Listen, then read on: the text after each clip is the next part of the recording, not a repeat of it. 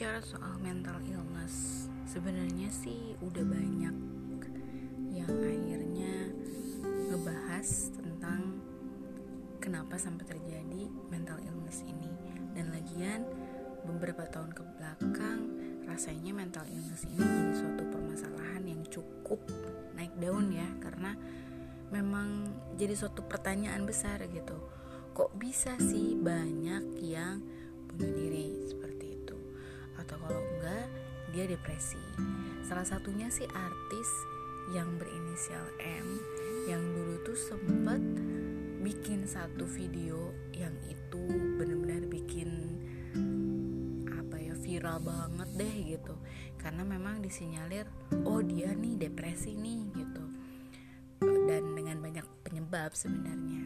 Nah kalau misalnya dilihat dari mental illness ini juga 10 September yang lalu itu diperingati sebagai uh, hari anti bunuh diri sedunia. Jadi sampai ada jargon it's okay not to be okay. Jadi nggak apa-apa kalau kamu itu nggak apa-apa. Karena apa? Kita ini manusia pasti nggak sempurna. Karena yang sempurna itu ya cuma Tuhan.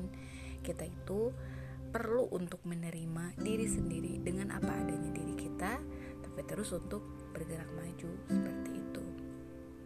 Atau kisah lainnya seperti ibu-ibu yang depresi baby blues seperti itu. Oh iya kalau untuk ibu yang belum melahirkan dia pasti namanya itu ada baby blues. Kalau ada anak yang dia uh, dengan tekanan lingkungan yang sangat berat gitu dia akan disebut stres hingga depresi. Jadi memang ternyata ada perbedaan antara stres dan depresi. Kalau depresi itu udah sangat-sangat fatal. Kalau stres itu yang sekedar tertekan gitu. Kalau depresi itu sangat-sangat tertekan dan kadang lebih banyak menyakiti dirinya sendiri. Nah, mental illness ini juga menjadi satu hal yang aware di lingkungan kita karena it's not a joke gitu. Ketika ada orang yang dia itu uh, apa namanya dengan tipikal-tipikal ingin meluahkan perasaannya gitu. Sehingga muncul-muncul vlog uh, untuk curhatan seperti salah seorang selebgram yang berinisial A sehingga dia menjadi terkenal gara-gara vlog itu gitu. Jadinya sekarang itu hal biasa untuk meluahkan perasaan lewat media sosial seperti itu dan media sosialnya juga boleh apa pun yang mereka uh, inginkan karena mereka lebih nyaman di mana kayak gitu. Nah ini juga yang menjadi satu concern di mana aku sebagai seorang ibu gitu, memang baby blues juga gitu, merasakan ketika setelah lahiran sesar pemulihan dalam jangka waktu sebulan gitu itu cukup naik turun ya emosinya gitu.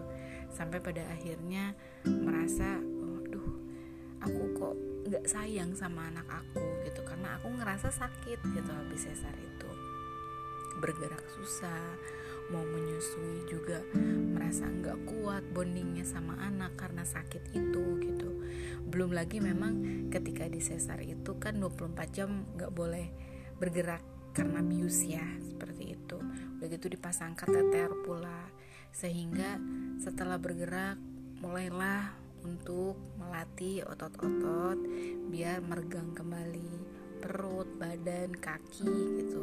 Karena kan kita inginnya aliran darahnya tuh mengalir kembali ya gitu. Karena 24 jam nggak bisa gerak akibat bius setelah itu kita coba pipis pun di situ karena pakai kateter gitu e, makan di situ di ranjang rumah sakit gitu.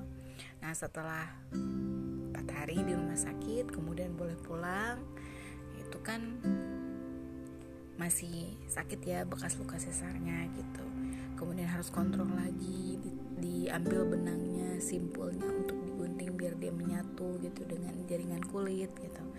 Nah baby blues ini menjadi satu hal yang amat menakutkan kalau dibilang gitu. Karena untuk orang yang tidak tahu kenapa dia itu merasa uh, sedih merasa tidak ada yang mendukung merasa kesakitan sendiri gitu itu menjadi apa ya pertanyaan bagi dirinya ada apa sih sama aku? gitu. Kok aku gini? Karena pada dasarnya manusia nggak ada yang jahat. Enggak tapi karena tekanan karena omongan orang karena orang julid gitu. Sehingga dia merasa wah kok begini ya kok begitu ya? Kata orang begini ya kata orang begitu ya gitu. Memang agak susah gitu karena saat itu posisinya sedang pemulihan. Jadi memang dibutuhkan orang-orang terdekat yang mendukung yang menyokong. Bicara soal baby blues waktu itu hampir dua bulan anakku tuh nggak mau nyusu sama aku nggak mau banget. Ketika dia dipegang nggak tahu kenapa bondingnya agak susah gitu. Karena aku juga ngerasa aduh aku tuh baru melahirkan menyusui baru juga merasakan sakitnya gitu. Air susunya yang uh, harus dikeluarkan tapi bayinya nggak mau nyusu seperti itu. Kadang-kadang aku uh, coba nyanyi coba untuk ngobrol sama anaknya sampai kemudian aku terus baca-baca gitu. Apa nih yang harus dilakukan biar air susunya juga banyak gitu. Karena kan kalau yang sesar dia kadang-kadang uh, ada yang uh, apa langsung ketemu anaknya ada yang enggak gitu. Jadi air susu pertama kadang-kadang juga nggak dikasih. Saat itu juga anakku juga memang sufor dulu sehari. Setelah itu dicoba dicoba terus. Dan saat itu kan dia bilang udah sufor aja kasihan anaknya kelaparan. Aku aku coba bilang cobalah aku di peras dulu gitu asinya gitu biar keluar walaupun sedikit. Karena memang ada rangsangan kan gitu agar si bayi itu terus gitu untuk menyusui gitu akhirnya air susunya keluar. Nah selama dua bulan itu naik turun gitu kadang-kadang dia semangat. Kadang-kadang aku juga karena baby blues itu gitu. Dan karena saat itu nggak tahu juga ini baby blues kali ya. Tapi kok aku nggak depresi aku cuman merasa aku sakit gitu karena bekas sesar itu gitu. Makanya kan ketika sudah menyusui uh, mah ini tolong pegang aku tidur karena sakit gitu. Nggak bisa ngapa-ngapain. Dan setelah itu ya sudah gitu. Pada akhirnya uh, tidur masih tetap dengan ibunya. Tapi memang untuk menyusui dua bulan itu dia nangis nangis jerit jerit gitu. Seolah-olah memang air air susunya kurang. Sehingga eh, orang-orang di sekitar bilang udah kasih sufor aja kasih sufor aja gitu. Sampai ibu sendiri juga bilang udah kasih sufor aja kasihan dia lapar. Cuma aku bilang ini aku pengennya dia asih nantilah sufor itu terakhir ketika aku benar-benar sudah hopeless tidak bisa memberikan asi maka aku akan memberikan sufor maka di situ teh berjuang terus gitu untuk menghadapi baby blues ini. Kadang-kadang uh, bilang sama suami duh aku butuh dukungan cobalah peluklah aku benar-benar ngerasa lagi sakit. Mana saat itu setelah uh, dan masa pemulihan itu memang agak susah ya gitu untuk ngeden untuk pup gitu. Karena kan khawatirnya sobek lah apalah gitu. Agak ketakutan juga gitu. Ya sama halnya dengan orang yang melahirkan normal gitu kan. Pasti agak takut-takut juga gitu kan. Jahitannya robek lah gimana lah. Apalagi kalau ngeden keras jadi banyak lah gitu hal yang menjadi pikiran gitu sehingga baby blues itu uh, kadang datang gitu. Dan ketika orang bilang wah kalau baby blues itu kurang iman gitu. Hey 40 hari kita itu nifas gitu. Kita berusaha untuk tetap dekat sama Tuhan tetap dekat sama Allah. Kita berusaha untuk beribadah dengan baik.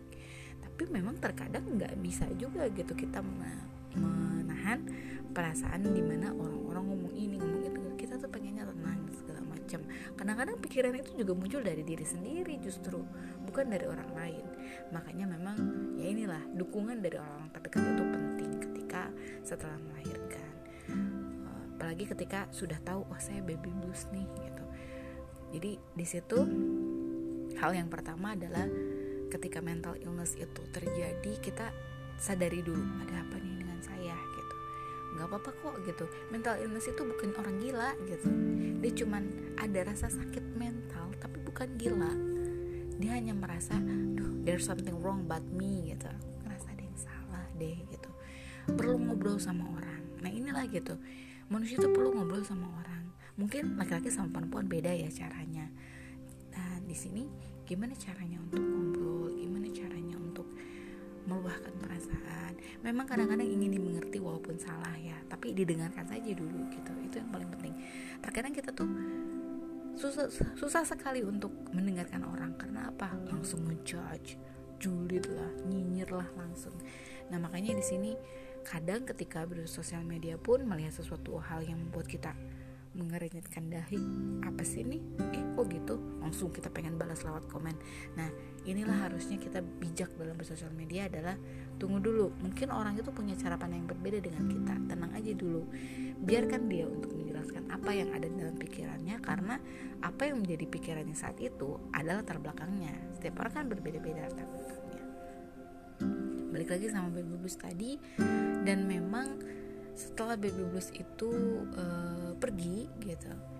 Ada lagi lanjutannya. Bukan baby blues karena si baby sudah semakin besar kan seperti itu. Seringkali ada artikel yang mengatakan suami sangat berperan penting kepada mental istrinya.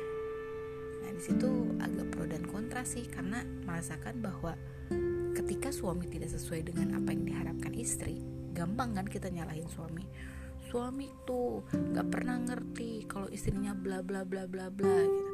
Padahal istri juga harus dia memahami bahwa suami saya seperti ini. Ayolah ngobrol aja komunikasi.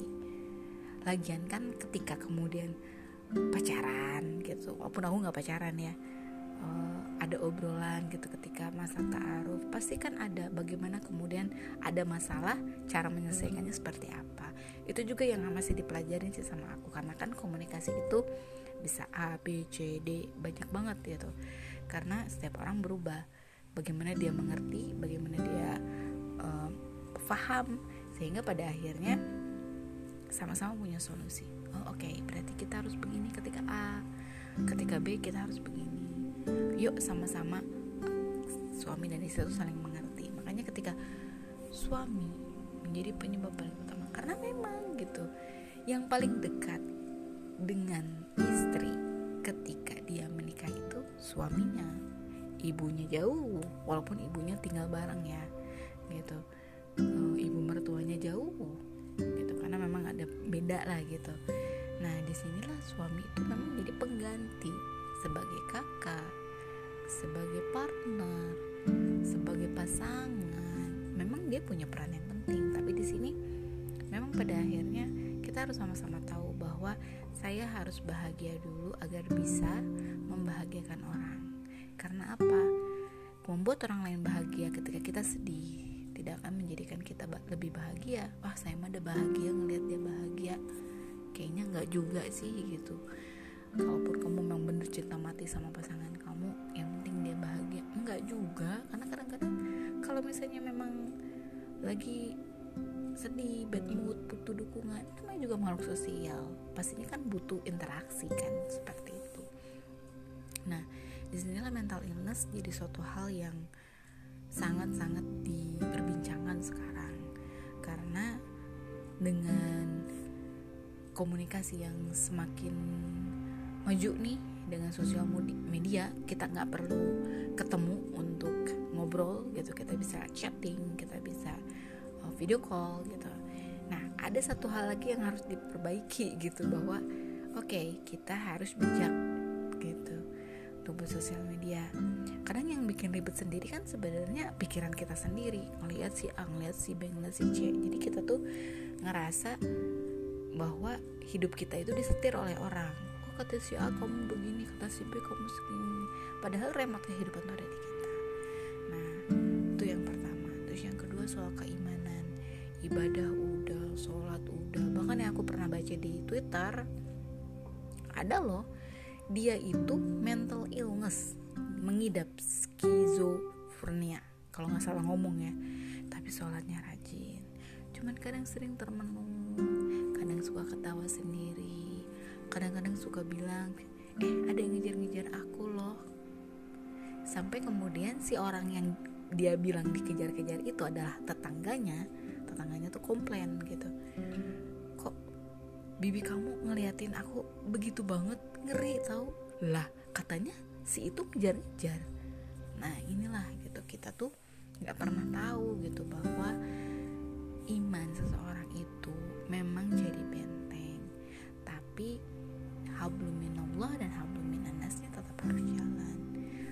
satu kekecewaan dalam diri manusia yang itu yang jadi pemicu untuk tidak menerima keadaan.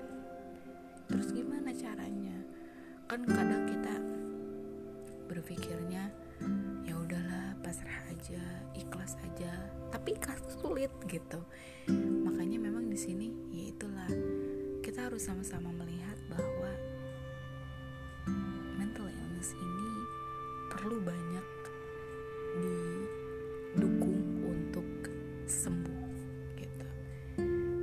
sekedar ngobrol saja sekedar mendengarkan saja gitu. dan bagaimana ketika dia itu carilah pemicunya mungkin ya. Kalau ada teman sahabat atau mungkin tetangga mungkin kita punya empati di situ. Oh mendengarkan dengan seksama. Kalau simpati kan kita cuman oh iya kasihan ya. Udah tapi kalau kita empati dan dia membuka diri ya bantulah gitu. Sebisa kita tapi nggak juga kemudian. Kamu harus sembuh kamu harus sembuh. Nggak. Karena kesembuhan dari orang yang mental illness menurutku adalah diri orang itu sendiri. Ketika kemudian dia didekatkan kepada Allah dia buat untuk menerima apa adanya itu akan membuat dia lebih baik. Karena salah satu pemicunya adalah kecewa. Suatu hal yang tidak sesuai ekspektasi. Dan memang setelah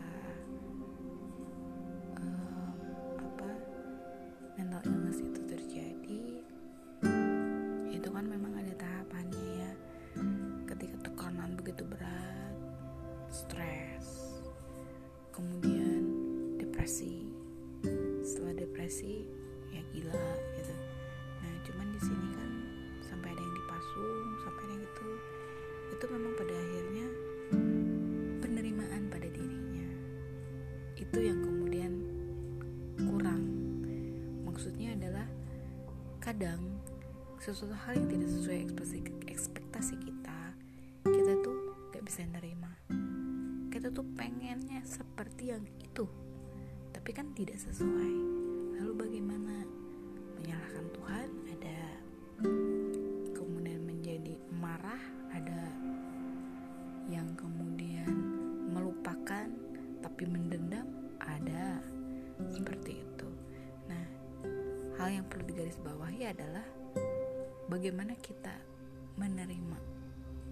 semua seiring berjalan waktu. Bagaimana kemudian kalau aku sih pribadi gitu sampai sekarang memang terkadang masih sering gitu wah stres punya anak aktif banget nggak bisa ditinggal nempel banget sama ibunya padahal banyak urusan kadang-kadang anak jadi ini oh, jadi korban. Sedih sih pada akhirnya karena memang pada dasarnya manusia nggak ada yang jahat bagaimana dia berdamai dengan lingkungan? Bagaimana dia berdamai dengan diri sendiri? Mungkin itu sih karena aku juga masih terus berdamai dengan diri sendiri. Bagaimana menerima diriku apa adanya? Ibu yang bagaimana diriku ini? Bagaimana kemudian akhirnya menghadapi dengan kondisi lingkungan di sekitar aku? Orang-orang yang berbicara tentang aku. Nah jadinya inilah gitu. Salah satu hal yang aku lakukan uh, adalah berbicara. Karena ketika memang gak ada yang bisa diajak bicara lewat WhatsApp kayaknya kurang. Terus udah gitu nelfon kayaknya masih kurang juga gitu. Ngobrol sama suami mungkin nggak full gitu. Ya salah satunya adalah self talk gitu. Berbicara dengan diri sendiri. Kalau dulu kan self talk dibilangnya ih orang gila ngomong sendiri gitu. Tapi ya memang gak di tengah jalan juga ngomongnya gitu. Mungkin di sini gitu. Ada medianya podcast lah Instagram lah YouTube lah Instastory maksudnya. Jadi memang pada akhirnya ya inilah gitu. Self talk ini akan membuat kita merasa bahwa kenapa sih dengan adik diriku? Apa yang harus aku lakukan? Bagaimana yang harus aku lakukan?